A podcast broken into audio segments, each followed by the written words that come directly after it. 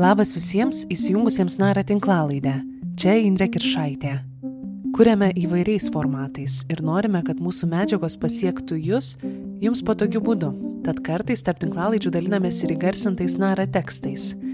Šiandien pristatau birželio antroje pusėje publikuotą komiko Domo Raibio tekstą, kurį garsina pats autorius. Jame jis kalba apie lietuvių kalbos reguliavimo ir edukacijos sistemos problemas. Gero klausimo.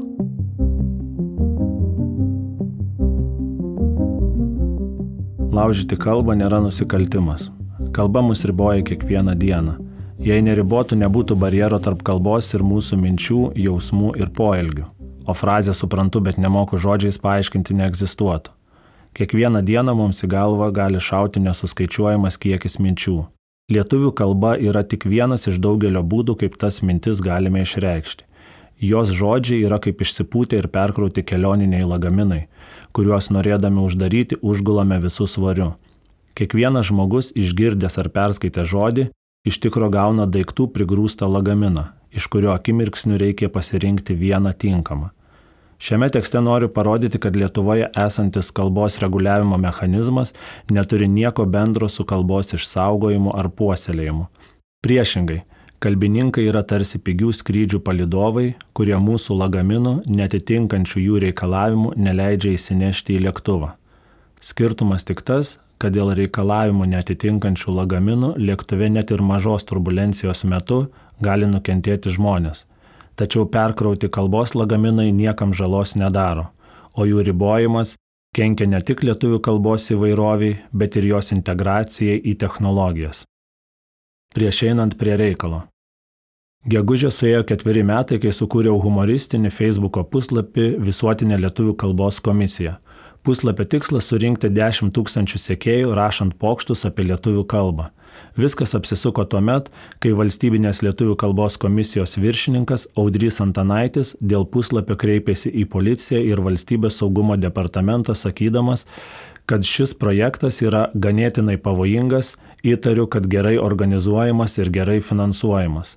Iki puslapio sukūrimo maniau, kad kalbos reguliavimas Lietuvoje yra tik nereikšmingas ir nekaltas žodžių ar posakių draudimas. Bet praėjusiais metais išleistos Vilniaus universiteto lyčiai jautrios kalbos gairės parodė, kad instituciniai kalbininkai saugo ne kalbą, o savo ideologiją. Daugelis Seimo narių pasirašė prieš šias kalbos gairias, iš tikro pasirašė prieš LGBTQ plus žmonės. Tarp pasirašiusiųjų Petras Gražulis, Agne Širinskinė ir Audronis Ažubalis. Pastarasis yra ne tik kreipimosi dėl lyčiai jautrios kalbos gairių atšaukimo iniciatorius, nepritarantis Q, W ir X rašymui pase, bet ir manantis, kad LGBT šeimas vadinti iškrypeliais yra nuomonių įvairovė. Visuotinės lietuvių kalbos komisijos puslapį sukurti mane įkvėpė knyga Lietuvių kalbos ideologija, norminimo ir galios istorija, kurią 2017 metais išleido Loreta Vaicakauskenė ir Nerijus Šepetys. Joje detaliai nagrinėjimas lietuvių kalbos reguliavimas. Kadangi nesu kalbininkas, perskaitęs knygą ieškojau ją kritikuojančių tekstų. Taip komisijos puslapyje radau kalbininko Aldono Pupkio straipsnį. Jame išsakytos mintis labai gerai iliustruoja institucinius kalbininkus, kuomet iš juos nukreiptą kritiką bandoma paversti kalbos mokslo kritiką. Straipsnėje sakoma, tiesiogiai ar tarp eilučių reikalaujama atsisakyti kalbos normintojų, kalbos tvarkytojų, kalbos redaktorių, stilistų, net kalbos mokytojų kalbotyros institucijose dirbančių kalbos normintojų, visų su kalbos tvarkyba nors kiek susijusių žmonių. Citatos pabaiga. Rašo Pupkis. Knygoje kritikuojami kalbos normintojai ir pati sistema, tačiau niekur nėra užsimenama, kad kalbos redaktorių, stilistų ir panašiai profesijos yra nereikalingos. Knygos esmė yra parodyti, kad jos negali laisvai funkcionuoti dėl siautėjančių institucinių kalbininkų. Mokslas prieš pamokslą. Kalbos mokslas yra kompleksinis, jį galima skaidyti į labai daug sričių - šnekamąją kalbą, rašytinę kalbą, gestų kalbą, kalbos įtaką mąstymui ir panašiai. Kiekvieną iš šių sričių galima skaidyti toliau. Pavyzdžiui, rašytinę kalbą į grožinę, negrožinę, žurnalistinę, dramą, poeziją ir taip iki begalybės. Kol kas Lietuvoje situacija tokia kad yra paimamas vienas kalbos segmentas, jis susiaurinamas, apipinamas mitais, stereotipais ir pateikiamas lyg kalbos mokslas. Pavyzdžiui, anglų kalbos įtaka. Nėra įrodymų apie neigiamą anglų kalbos įtaką lietuvių kalbai. Priešingai, užsienio kalbų mokėjimas turi teigiamos įtakos ne tik vaikų, bet ir suaugusiųjų smegenims. Tačiau Vilniaus universiteto dėstytoja Irena Smetonienė mano kitaip savo monografijoje Reklama, reklama, reklama, kurią iki šiol rekomenduoja savo studentams, rašo, ne angliškai kalbančios Europos šalis jau patyrė neigiamą ir nesustabdomą reklamos poveikį savo kalboms. Monografija išleista 2009 metais, tuo metu, kai Smetonienė buvo valstybinės lietuvių kalbos komisijos pirmininkė. Štai keli neigiamos įtakos anot Smetonienės pavyzdžiai. Šešios jaunos moteris iš 28 mane, kad pink yra vokiškas žodis. Pagyvenę šveicarai teigia, kad besori ir aukiai jie nuolatos vartoja iki 15 anglicizmų. Pagal nurodytus šaltinius, šaltiniai kreipia į neveikiančias nuorodas ir rašymo stilių, nevartojamos kabutės, todėl neaišku, kur autorės mintis, o kur citatos Neįmanoma atsekti nei kur atliekamas šis tyrimas, gal darželėje, gal psichiatrinėje ligoninėje, nei tų penkiolikos anglicizmų. Tačiau autorė priduria. Daug apklaustųjų mane, kad be Amerikos Šveicarija negalėtų išgyventi. Tarsi sufleruoja apie blogį sklindantį iš supuvusių vakarų. Laidoje pasivaikščiojimai Irina Smetonienė vedėjų sakė, kad Vengrijoje galima gauti iki 5000 eurų baudos už netaip ištartą sostinės pavadinimą. Kai parašiau jai elektroninį laišką ir paprašiau nurodyti šaltinius, kuriais rėmėsi, atsakymą gavau su nuoroda į skaidrės iš jos paskaitų. Aiškinti žmonėms apie gramatinės klaidas, kirčiavimą, vartojimus ir nevartojimus žodžius, kitų kalbų įtaką nesiremiant patikrintais šaltiniais yra ne mokslas, o pamokslas. Lietuviai nemoka lietuviškai. Savoka lietuvių kalba Tas pats galioja kalbant ir apie bet kurią kitą modernę kalbą, yra labai plati, į ją telpa visos tarmės, dialektai, žargonai, SMS kalba, interneto slengas ir žinoma bendrinė standartinė kalba. Kai kalbininkai sako, kad nemokite kalbėti lietuviškai, nemokate ne lietuvių kalbos, o kalbininkų kūriamos bendrinės kalbos. Tai yra vienos iš daugelio lietuvių kalbos atmainų. Turėdama bendrinę kalbą, nors tiksliau būtų sakyti standartinę kalbą, Lietuva nieko neišsiskiria iš kitų šalių. Labai grubiai standartinę kalbą galima apibūdinti kaip atspirties tašką, nuo kurio pradedama mokyti rašto, kai šalyje sutariama dėl bendrų taisyklių. Toks susitarimas reikalingas, nes visos kalbos susideda iš įvairių formų, prokalbių, dialektų, akcentų ir panašiai. Kartais ta pati kalba gali turėti skirtingas bendrinės kalbas, pavyzdžiui, anglų kalba. Anglijoje ir Velse British English, Škotijoje Scottish Standard English, JAV General American, Australijoje General Australian. Lietuva nėra unikali turėdama bendrinę kalbą, tačiau yra unikali turėdama reguliavimo mechanizmą, leidžianti tik kalbininkams ne tik kurti savo kalbą, neatsižvelgiant į žmonių poreikius, jos reikalauti iš piliečių viešumoje, bet ir bausti, jeigu reikalavimų nesilaikoma. Keletas pavyzdžių iš Europos.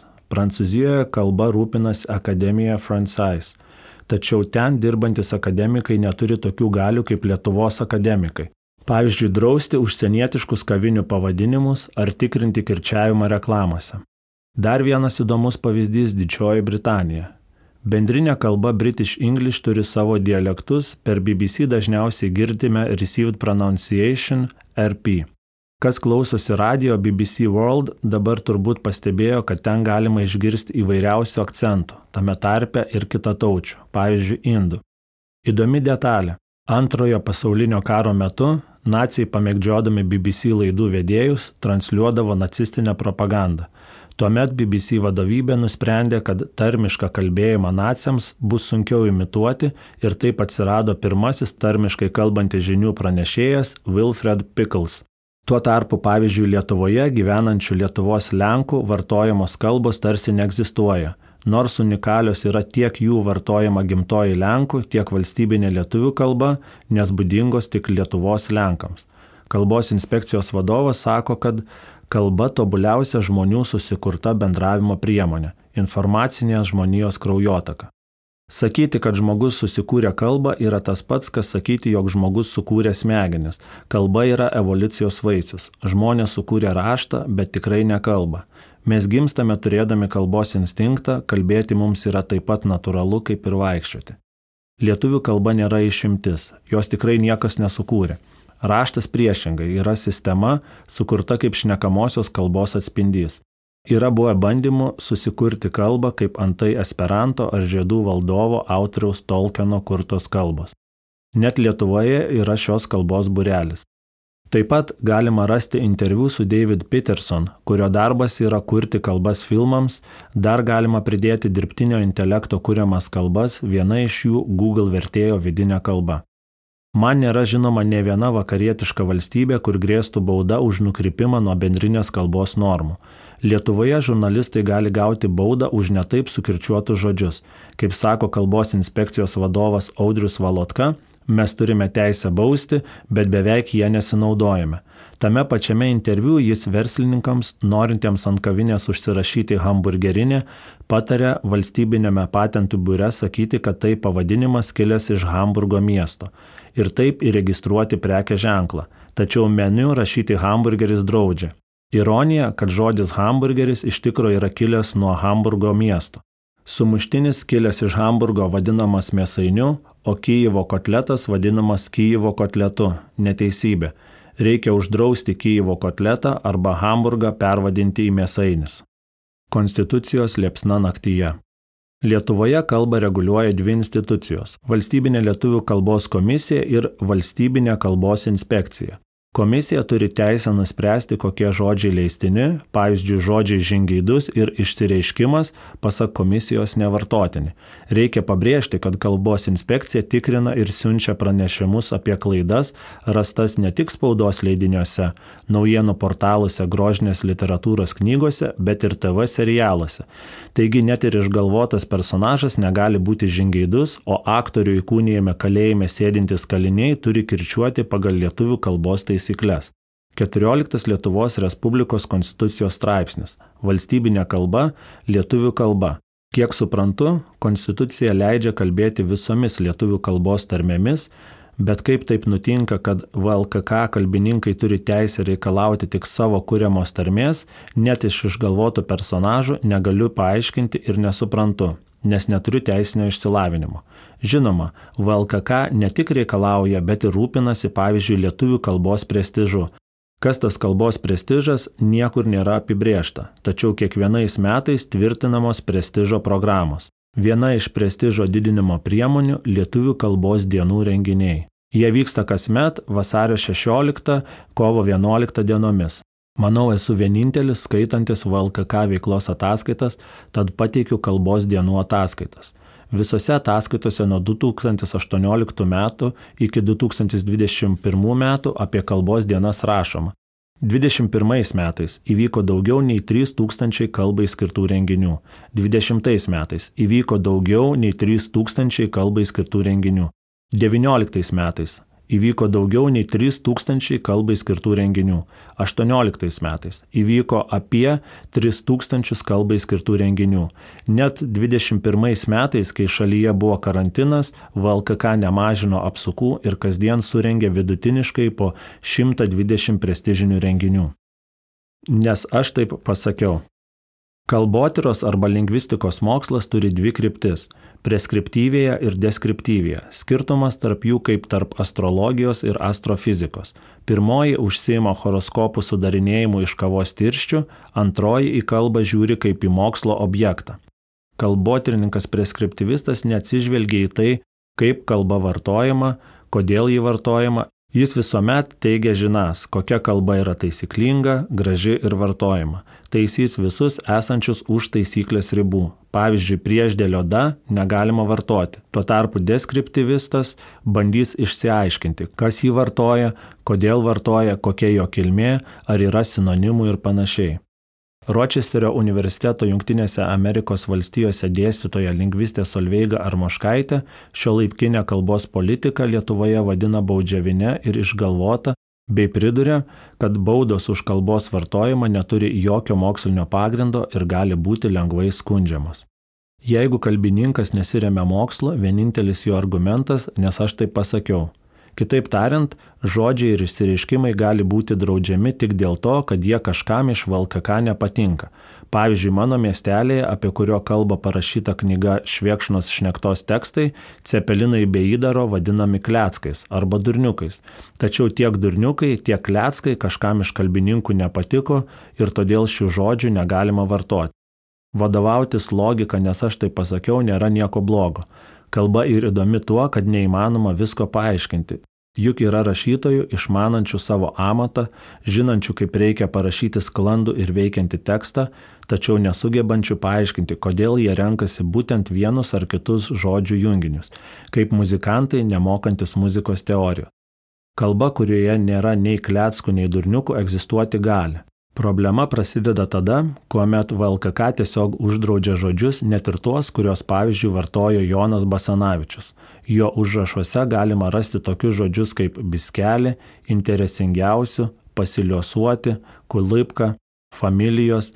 Biskelį absurdiška, kuomet VLKK kalbininkai šneka apie kalbos saugojimą, puoselėjimą, bet už žodžio biskelį vartojimo iki pat 2019 metų grėsė administracinė atsakomybė.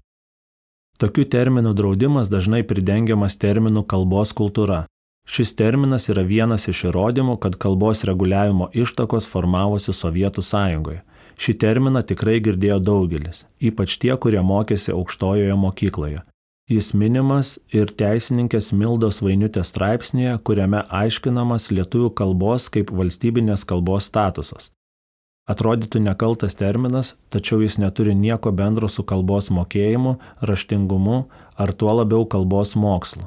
Knygoje Lietuvių kalbos ideologija rašoma, savoka kalbos kultūra vardojama maždaug nuo 1920 m. čekų ir tarybinėje kalbotyroje. Kalbos kultūrą galima apibūdinti kaip preskriptivizmą sumaišytą su ideologija. Prie komunizmo buvo viena partija, mąstantis už jos ribų - blogiečiai Pagal kalbos kultūros idėją kalbininkai turi teisę nuspręsti ne tik, kas yra klaida, bet ir kokia kalba yra tinkama. Aldono Pupkio knygoje Kalbos kultūros pagrindai mokoma, kad su tėvais kalbant geriau nevartoti tarptautinių žodžių, nes jie nesupras. Be negeriausiai tai iliustruoja pavyzdys, kai kalbininkai neleido pavadinti įmonės atsikeli ir varai. VLKK pirmininkui atsikeli ir varai netiko, nes skamba žargoniškai ir yra nepagarba lietuvių kalbai. Taip kalbininkai tampa ne tik kalbos, bet ir moralės sargai. Vyriausybė priemė nutarimą, pagal kurį nuo 2020 metų nebeprivaloma įmonių pavadinimų derinti su VLKK. Kalba ir stereotipai. Idėja, kad kalbininkai gali nuspręsti, kokia kalba yra gera, o kokia bloga, nėra būdinga tik Lietuvai. Daug mitų apie kalbą yra dar iš tų laikų, kuomet kalbotyra buvo preskriptyvi. Deskriptyvi lingvistika pradėjo formuotis tik tai XIX amžiaus pabaigoje.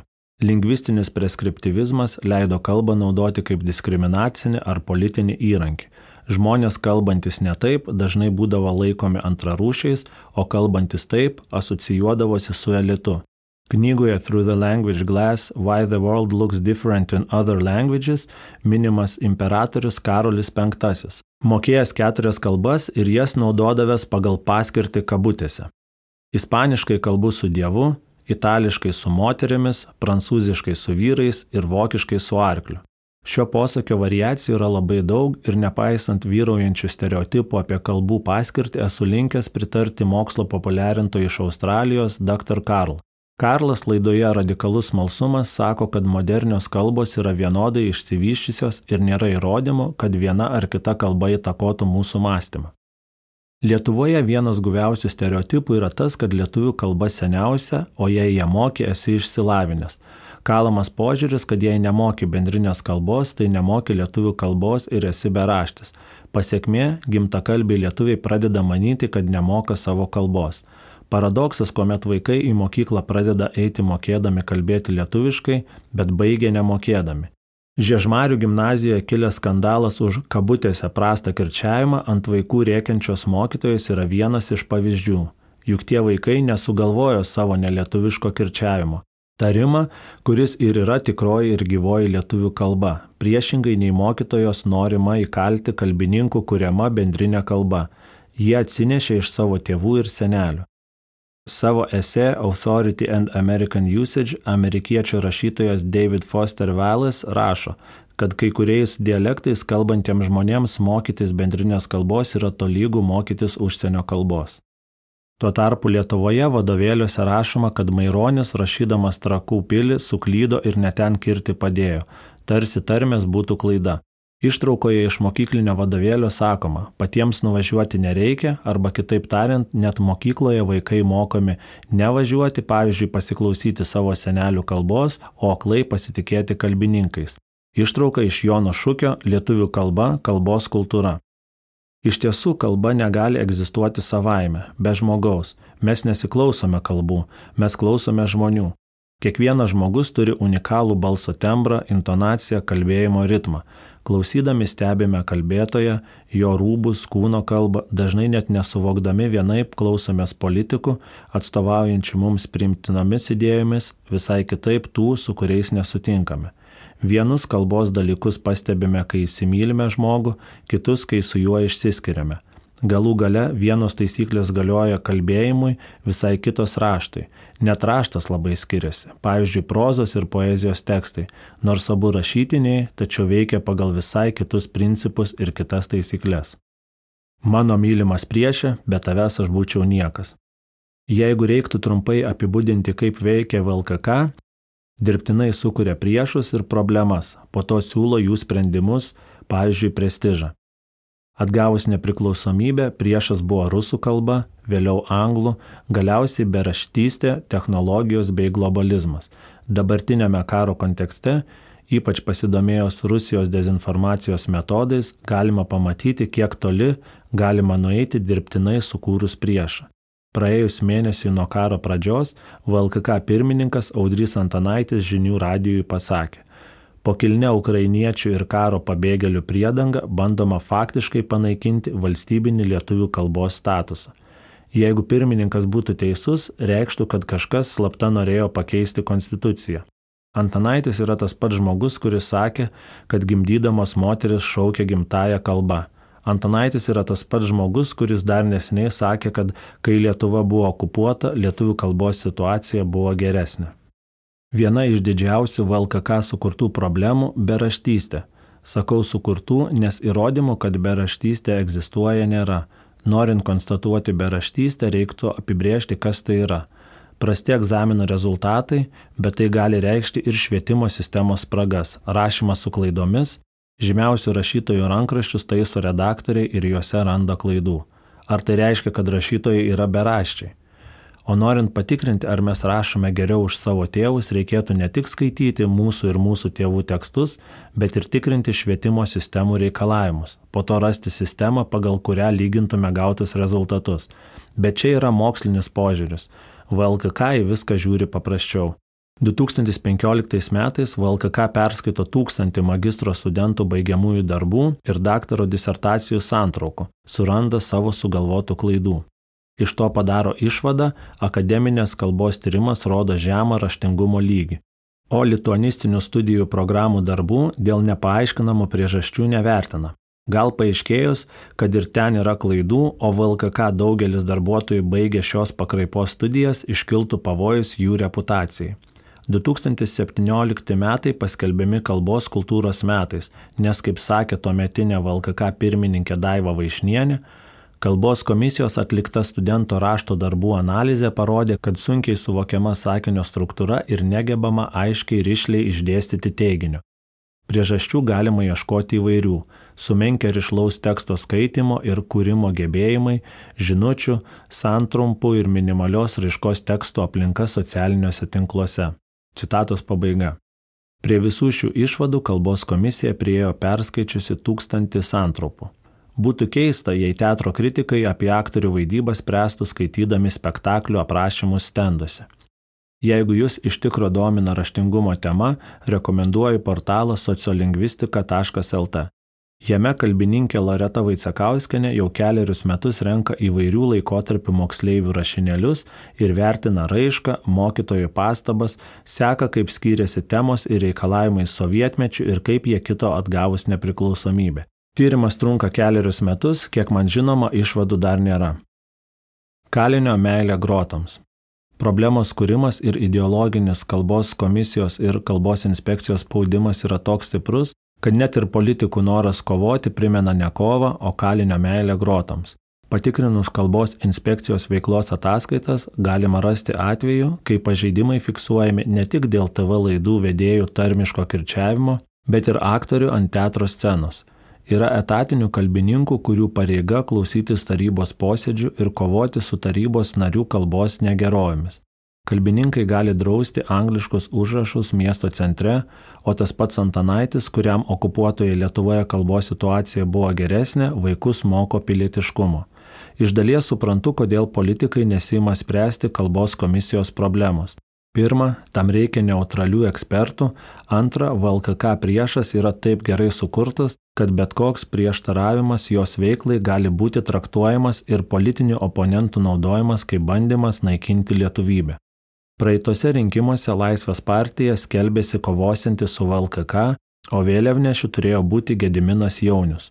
Savo politinės reklamos video kalbos politika Jaunius šneka apie kalbos gerbimą tačiau neužsimena apie pagarbą žmogui. Gediminas sako, kad jis masto ir sapnuoja gimtają lietuvių kalbą. Žinoma, tam, kad paneigtume jo žodžius, reikėtų atlikti tyrimą, bet abejoju, kad jis sapnuoja tekstus, o ne surrealius vaizdus, bet to jis yra studijavęs muziką ir tikrai turėtų žinoti, kad grodami instrumentu žmonės gali mąstyti muziką. Video pabaigė priešindamas dabartinę Lietuvą su smetoniškąją Lietuvą. Ironiška, prie smetonos nebuvo VLKK. Nepaisant to, kad Laisvės partijos programoje įrašyta, jog uždarys VLKK, per visus metus nuo išrinkimo partija ta linkme nepadarė nieko o paskutinis Morganos Danielės bandymas uždrausti žodžius alkoholikas ir narkomanas tik parodo, kad Laisvės partijai nepatinka ne pats kalbos reguliavimas, o tai, kad kalba reguliuojama ne pagal jų pažiūras.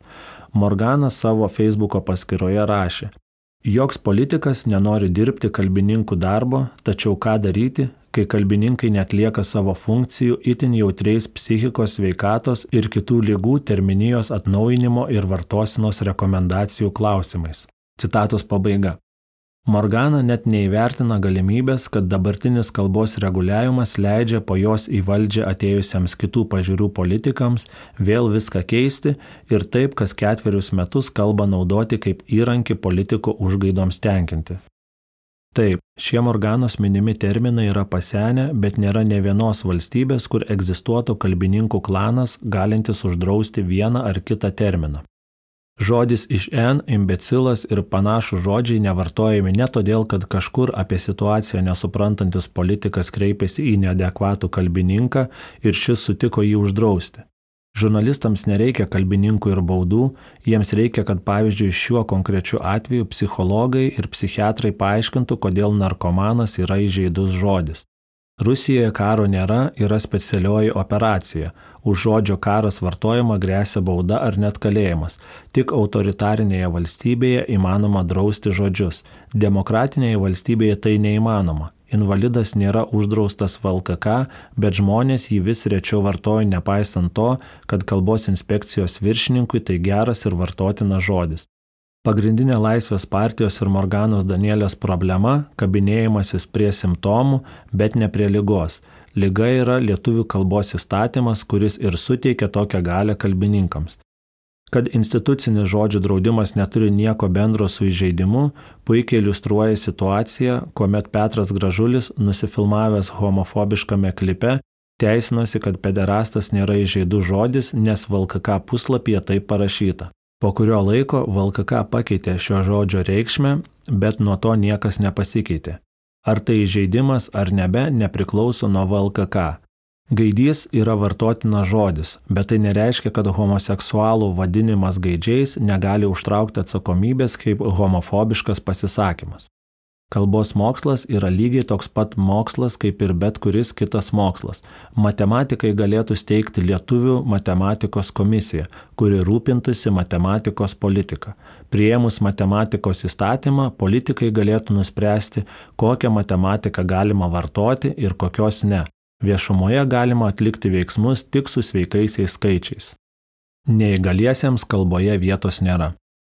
Kaip minėjau anksčiau, institucinių kalbininkų problema yra ta, kad jie saugo ne tik savo kuriamą kalbą, bet ir savo atstovaujamą moralę. Tikrai nenoriu pasakyti, kad kalbininkai neturi teisės kalbėti apie šios dalykus. Aš esu prieš, kuomet kažkas, neturėdamas svarių argumentų, teigia, yra dvi nuomonės, mano ir neteisinga. Siekdamas parodyti, kaip kalbininkas gali tapti visko ekspertas, remsiasi šiais metais skaitytų valstybinės kalbos inspekcijos ir Vilniaus universiteto dėstytojo Audriaus Valotkos pranešimu, skirtų Vilniaus universiteto bendruomeniai. Seminaras diskusija vadinosi Įtrauki kalba. Prieš apžvelgdamas pranešimą noriu paminėti kelis Audriaus Valotkos tekstus portale Delfi. Nors Audrius Valatka vadovauja inspekcijai, nuo kurios priklauso, ar gausite baudą ar ne, taip pat yra universiteto dėstytojas, tačiau Delfi publikuojamuose jo tekstuose gausų fakto klaidų. Savo tekste jis pasakoja apie Airiją kaip neva ten baisus kalbininkai, citatos pradžia. Asmeniui, kuris nepaklūsta Enkomiser Tenaga, kalbos inspekcijos atitikmuo Airijoje, arba trukdo jo veiklai, gali būti skiriama bauda iki 2000 eurų ir arba iki 6 mėnesių cypės. Citatos pabaiga. Tačiau nutylė esminę detalę. N komisar Tenaga Airijoje rūpinasi ne kalbos taisyklingumu, o tuo, kad visos valstybinių įstaigų paslaugos būtų prieinamos dviem kalbomis - anglų ir airių. Įstaiga nereguliuoja nei kavinių užrašų, nei žurnalistų kirčiavimo ar dar blogiau klaidų interneto svetainėse. Kitame savo tekste jis lygina Lietuvą su Didžiaja Britanija. Tekste rašoma, kad norint dirbti viešajame sektoriuje reikia išlaikyti anglų kalbos tekstą. Kad skambėtų rimčiau, jis nurodo, kad remiasi anglų kalbos reikalavimu viešojo sektoriaus darbuotojams praktikos kodeksu 2016 m. imigracijos akto 7 dalimi. Tačiau kodekse nurodyta, kad egzaminas užsieniečiams nėra privalomas, jeigu darbdavi tenkina būsimo darbuotojo anglų kalbos žinios. Be to ten nėra kalbininkų institucijos, kuri turi teisę tikrinti, pavyzdžiui, pavėžėjų kalbinės žinias ar rašyti skundus dėl jiems nepatinkančio užrašo špaklius ant vitrinos. Lietuvoje yra. VLKK kalbininkai kaip pavyzdį mėgsta pateikti analogiją su kelių eismo taisyklėmis. Neva kalboje kaip kelyje reikia laikytis taisyklių. Visiškai klaidinanti analogija. Kadangi žmonės dėl žodžio špaklius nemiršta, žala nedaroma. Priešingai, klaidos dažnai yra neatsiejamos nuo kalbos ir daro ją įdomesnę. Pavyzdžiui, psichologas, norėdamas parodyti, kad jis irgi yra žmogus, savo įmonę galėtų pavadinti klysti žmogiška, kur klysti parašyta su į nosinę. O anksčiau minėtas špaklius nėra nei kiksmažodis, nei amoralus ar įžeidžiantis. Net jei ir būtų įžeidžiantis, VLKK neturi įgaliojimų spręsti moralinius klausimus. Lingvistinio pagrindo drausti špaklius nėra. Tai lietuviškas žodis, jokioje kitoje kalboje tokio žodžio nėra. Špaklius neprieštarauja jokioms lietuvių kalbos taisyklėms, tai tiesiog vyriškos giminės daiktavardis. Šitas žodis yra skolinys iš vokiečių kalbos, tačiau bažnyčia, ofisas, čipsai irgi yra skoliniai. Kodėl jie nedraudžiami? Ai, pala. Iš jų tik bažnyčia kažkodėl leidžiamas, visi kiti draudžiami. Kodėl špaklius nevartotinas? Todėl, kad kažkoks kalbininkas nusprendė, kad tas žodis yra blogas. Viskas. Apie lyčiai jautrios kalbos gairias Valotka yra parašęs taip pat ir tekstą, kur leidinys prilyginamas lietuvių kalbos gestapui.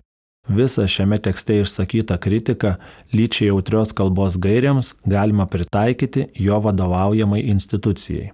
Citatos pradžia. Naujakalbė - nemarus totalitarizmo simbolis.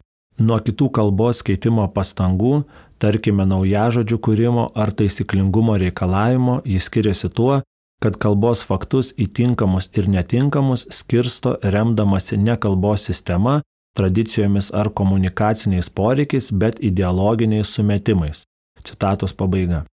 Kalbos kultūra per prievartą brukama viena, kabutėse, teisinga kalbos forma, draudimai viešumoje kirčiuoti ar kalbėti tarmiškai, tai tik keli pavyzdžiai, parodantis, kad VLKK ir VKI remiasi ne kalbos tradicijomis, Apie jos Vytauto Oškinio dokumentinis filmas Komisija, kuriame kalbininkai sprendimus priima ne pagal tradicijas ar kalbos sistemą, o balsavimo būdu. Dėstytojas Audrius kritikuoja lyčiai jautrios kalbos gairias, tačiau per visą pranešimą nepaima ne vienos citatos iš jų. Būdamas akademinės bendruomenės narys, kritikuodamas leidinį, tačiau jo necituodamas, nepateikdamas ne vieno šaltinio į jo kritiką, neužsimindamas, kad tai yra bandymas ieškoti sprendimų, jis užkerta bet kokį kelią dialogui. Man visuomet svarbiau yra žmogus, o ne kalba. Kiekvienas žmogus ar bendruomenė turi teisę į identitetą ir į galimybę, kad į juos kreiptųsi taip, kaip jie nori, o ne taip, kaip kažkoks kalbininkas nusprendžia. Nesu radęs studijų, kuriuose būtų teigiama, jog vyriška giminė kaip neutrali visuomet diskriminuoja. Bet kad vyriška giminė gali būti naudojama diskriminacijai, tikrai taip. Apskritai, problema, kurią bando spręsti lyčiai jautrios kalbos gairės, yra kompleksiška. Ir sprendimų ieškoti reikia ne tik kalbininkams, bet ir psichologams, psichiatrams ir žinoma bendruomenės, kurioje kyla šie klausimai nariams. O Valotkai kalbančiam apie tradicijas reiktų priminti, kad Basanavičius ar Jablonskis keitė, kūrė, stebėjo kalbą, o ne aklai saukojo mažvido stilių. Visos tradicijos anksčiau ar vėliau keičiasi. Gramatikos tradicija nėra išimtis. Jį keisis, kaip kad pasikeitė tradicija, jog moteris privalo būti susijonu. Audrius Valotka savo pranešimą pradeda bandydamas sudaryti įspūdį, kad lyčiai jautrios kalbos gairės padarė neatstatomą žalą Vilniaus universitetui. Pasak Audriaus, dėl gairių universitetas buvo kaltinamas ir kalbos kastravimu, ir neomarksistinė diktatūra, tačiau Valotka, kaip ir daugelis institucinių kalbininkų, nepateikė ne vieno šaltinio ir suplaka nesusijusius, o kartais net išgalvotus faktus. Citatos pradžia. Nuskambėjo tokie žodžiai, kad bus draudžiama sakyti tėvas ir motina. Citatos pabaiga.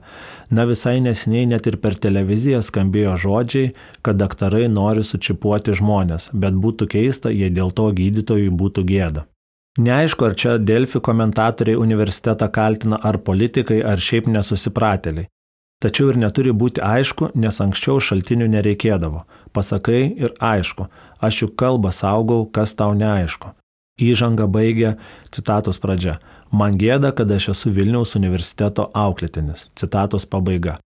Na, man gėda, kad Vilniaus universitetas turi tokį dėstytoją, kuris laidoje Kakadu sako, kad žodis N yra vartotinas, nes Lietuva nėra rasistinė valstybė. Čia būtų tas pats, jei Amerikoje kalbininkas lietuvis leistų vadinti gaidžiais, nes Amerika nėra gaidžių valstybė. Vėliau viršininkas rodo memą, kuriame vietoj vieno iš teletabio veidų įmontuotas Vilniaus universiteto rektoriaus veidas. Apie nuotrauką sako. Citatos pradžia. ES centrinių institucijų vienoje iš diskusijų buvo panaudotos skaidrės. Citatos pabaiga. Jam nepatiko, nes čia patyčios iš rektoriaus. Žinoma, kokioje institucijoje ir kur ji panaudota nenurodo, Nusiskrinšotinau nuotrauką, paleidau paiešką per Google Images ir radau vienintelį atitikimą portale alkas.lt. Šaltinių tokie kalbininkai kaip Valatka nepateikia ir dėl to, kad kai atsiranda konkretumas, tuomet viskas išaiškėja. Šis atvejis nėra išimtis. Vilniaus universiteto dėstytojas sako, kad remiasi kažkokiu straipsniu, kuriame yra klaida, nes. Citatos pradžia. Darbo kodekso 26 straipsnis visiškai lyčių lygybės tokios prievolės neturi, neprimeta. Citatos pabaiga. Nežinau, kurios šalies darbo kodeksą turi omeny Valotka, bet Lietuvos Respublikos darbo kodekso 26 straipsnis sako, darbdavys privalo įgyvendinti lyčių lygybės ir nediskriminavimo kitais pagrindais principus. Citatos pabaiga.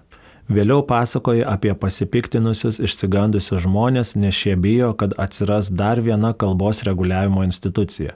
Įdomu, jei Vilniaus universitetas nuspręstų, kad studentai privalo dėvėti uniformas, ar tie jo menami žmonės išsigastų, kad ir jiems bus privalomos uniformos. Žinoma, reikia ir apie niekam tikusi jaunimą. Citatos pradžia. Mūsų karta, patikėkite, totalitarizmo kvapą moka pajusti. Jaunoji karta to imuniteto turi mažai. Ateis senos simpatijos ir marksizmo ir Mao Dzeduno meilė Fideliui Castro ir panašiems žmogėdroms. Citatos pabaiga. Per kelias minutės nuo jokios juridinės galios neturinčio gido iki Fidelio Castro. Tikrai retas pranešėjas taip sugebėtų. Nepaisant to, kad Valotka yra retorikos dėstytojas, skamba kaip istorijos studentas, kuris nepasiruošęs atėjo į egzaminą. Citatos pradžia.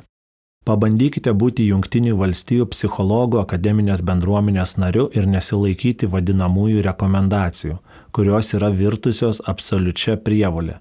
Jūs iš mokslo pasaulio būsite išmestas arba nepateksite. Tai ir yra totalitarizmo kvapas. Citatos pabaiga. Žvelgiant iš šono, visa akademinė bendruomenė yra grinas totalitarizmas. Ir mokslo darbus ruošti, ir juos maketuoti pagal nurodymus, Dėstytojų klausyti, totalitarizmas ne kitaip. Panašios retorikos karjeros pradžioje laikėsi ir žymus psichologas Jordan Peterson, klaidingai teigęs, kad už neteisingai pavartotą įvardį Kanatoje gali grėsti kalėjimas. Kaip argumentą, kad Lietuvoje diskriminacijos nėra ir negali būti, Valotka pateikė faktą, kad moteris balsavimo teisę čia gavo anksčiau negu Šveicarijoje. Ir pabrėžė, citatos pradžia, filologiniai bendruomeniai esančiai už universiteto rato ribų jau yra seniai įkyrėję mūsų profesorės Loretos Vaicekauskinės ir Ilinojaus universiteto Gedriaus Subačiaus, žurnalistų propagandininkų Ritos Miliutės, Mindaugo aušros nuolatos kišamas, brukamas kalbos politikos simulekras, kuris dažnai neturi nieko bendro su tikrove. Patikėkite žmogumi, kuris visą tai mato iš vidaus. Citatos pabaiga. Kol kas nepateiktas ne vienas šaltinis. Neteisingai cituojamas darbo kodeksas, turime dar du argumentus, dėl ko šio dėstytojo reikia tikėti. Jo karta moka pajausti totalitarizmo kvapą, jis viską mato iš vidaus. Eikime toliau. Citatos pradžia. Ankstesni mėginimai buvo labai nesėkmingi turiu ant stalo visą žodyną, kuriame pririnkta labai daug pavyzdžių įtraukiosios kalbos. Ir tie pavyzdžiai beveik visi yra atėję iš akademinės aplinkos. Citatos pabaiga. Čia jau buvau apsidžiaugęs, nes galvojau, kad jis išsitrauk žodyną, kuriame bus neprigyję valkaka sugalvoti žodžiai tokie kaip vaizduoklis, skreitinis kompiuteris ir panašiai. Bet ne, jis kaip įrodymą, kad bandymai kurti lyčiai jautrę kalbą buvo nesėkmingi, pateikė satyrinę amerikiečių humoristo Henry Bird 92 metais išleistą knygą. Savo ruoštų aš turiu žodyną internete, kuris įrodo, kad lyčiai jautrios kalbos gairės yra sėkmingos. Tai yra linksmasis lietuvių žodinėlis. Po kelių negrabių sakinių apie tai, kad per gairias yra brukama feminizmo istorija, Vilniaus universiteto dėstytojas gauna klausimą iš klausytojo. Citatos pradžia. Dėl termino invalidas vartojimo negalios žmonių bendruomenė labai priešinasi šiam terminui ir nenori būti vadinami invalidais. Ar nereikia į tai atsižvelgti? Kokia jūsų nuomonė? Citatos pabaiga. Valotka atsako. Citatos pradžia. Žinoma, kad atsižvelgti reikia, tik tai turėkime omeny, manau, dėl ko jie nenori tai būti vadinami. Dėl to, kad 25 metus yra aiškinama, kad negražu vadintis invalidu. Citatos pabaiga. Taigi, pasak kalbos viršininko, neįgalų žmonės nenori būti vadinami invalidais, todėl kad jiems yra kalama, jog žodis invalidas yra blogai. Ir priduria, kad Romus galima vadinti čigonais, nes jis kadaise pavežė Romų baroną ir šis jam leido visus Romus vadinti čigonais. Ir klystate, jei manote, kad užtektų neįgaliam žmogui susitranzuoti viršininką ir jam uždrausti neįgaliuosius vadinti invalidais, nes dar kartą paklaustas, Jeigu visgi žaidžia, ar nereikėtų atkreipti dėmesį ir įsiklausyti, inspekcijos viršininkas atsako. Citatos pradžia. Labai greitas terminų keitimas, žiūrėkite, paminėjau kokius keturis, kurie pakeitė invalidą, jeigu jums reikia paieškos dokumentuose, jeigu jūs ieškote Wikipedijoje dar kur nors, jau vien toks dalykas apsunkina. Neturėtų kalbos keitimas būti greitas, nes tai destabilizuoja kalbą. Citatos pabaiga. Taigi, neįgaliuosius reikia vadinti invalidais, kadangi Wikipedijoje paskui nerasite invalidų, o tai pasibaigs kalbos destabilizavimu. Pabaiga. Ilgą laiką norėjau sudėti tekstą, kurio tikslas - parodyti, kaip veikia kalbos reguliavimas Lietuvoje. Šiam tekstui pradžią davė laiškas praeitų metų gale gautas iš Audriaus Valotkus. Laiškus jis man parašydavo epizodiškai po to, kai pakomentavau kažkurį kalbos inspekcijos įrašą. Tada jis paprašė mano elektroninio pašto adreso, kad galėtų atsiųsti studiją apie anglų kalbos įtaką Europos Sąjungoje. Iš pradžių pasirodė, kad pagaliau inspekcijai vadovauja žmogus, su kuriuo galima kalbėtis argumentais, o ne įsitikinimais. Man net buvo kilusi mintis surenkti gyvus debatus apie kalbą, bet tai truko neilgai. Kuo toliau, tuo labiau viskas atsiremdavo į Valotkos įsitikinimus, bet ne į kalbos mokslą. Viską galutinai apvertė jau minėtas laiškas praeitų metų gale. Citatos pradžia. Sveiki domai, ką manote apie lyčiai jautrę kalbą? Citatos pabaiga. Prie jo buvo prisektos ir gairės, iš jo apie jas ir sužinojau. Atrašiau, kad man tai įdomi tema, kad nematau nieko blogo, kaip bendruomenė sprendžia dėl savo kalbos. Po kelių mėnesių iš gerai pažįstamo žmogaus gavau nuorodą į aukščiau analizuotą Valotkos pranešimą, kuris baigiamas taip - citatos pradžia. Noriu pabaigti mintimi vieno žmogaus, iš karto noriu pasakyti, kad tą žmogų nelabai mėgstu, nes tai yra Domas Raibys. Bet viename man siūstame laiške jis taip svarsto apie gairias Geriau rūpinti žmogumi, kad šis pasirūpintų kalba, o ne atvirkščiai. Citatos pabaiga. Žinoma, nutylė esminė detalė, kad ne aš jam siunčiau laišką, o jis man pats siuntė gairias, bet čia smulkmena. Nes smulkmena yra tai, kad jis parankiojo razinų ir iš citatos paliko tik tai, kas jam naudinga. Visa mano citata buvo tokia. Kalbos pažeisti neįmanoma, bet žmogų galima lengvai ypač jauną, todėl geriau rūpinti žmogumi, kad šis pasirūpintų kalba, o ne atvirkščiai. Citatos pabaiga. Pies. Susidaro įspūdis, kad VLKK užduotis yra įrodyti kalbos plokštumą. Kalba nėra plokščia, ji kaip ir visata neapriepiama, didelė, nuolatos judanti ir besiplečianti. Joje vietos yra visiems ir visoms. Yra atmintinių, kurios padeda identifikuoti, kur yra fake news Čia atmintinė padėsinti identifikuoti fake kalbininkus. Fake kalbininkai turi kalbėti apie šias kabutėse problemas. Lietuvių kalbos situacija prasta. Nesvarbu, kad įrodymų nėra arba yra priešingi. Kalbėti apie tai, kad reguliuoja tik viešąją kalbą, o privačiai leidžia kalbėti kaip kas nori. Kur yra ribos, nenurodyti. Pavyzdžiui, video blogas iš virtuvės yra viešas ar privatus kalbėjimas. Anksčiau situacija buvo geresnė. Kada tas anksčiau nenurodyti, gal prie caro, o gal prie gariūnų. Būtina paminėti anglų kalbos keliamą pavojų, ką nors apie ištižusį jaunimą, lyg kalbininkas turi skiepyti ir moralę. Kalbėti apie kalbos prestižą, žmonės neskaito arba skaito prastas knygas.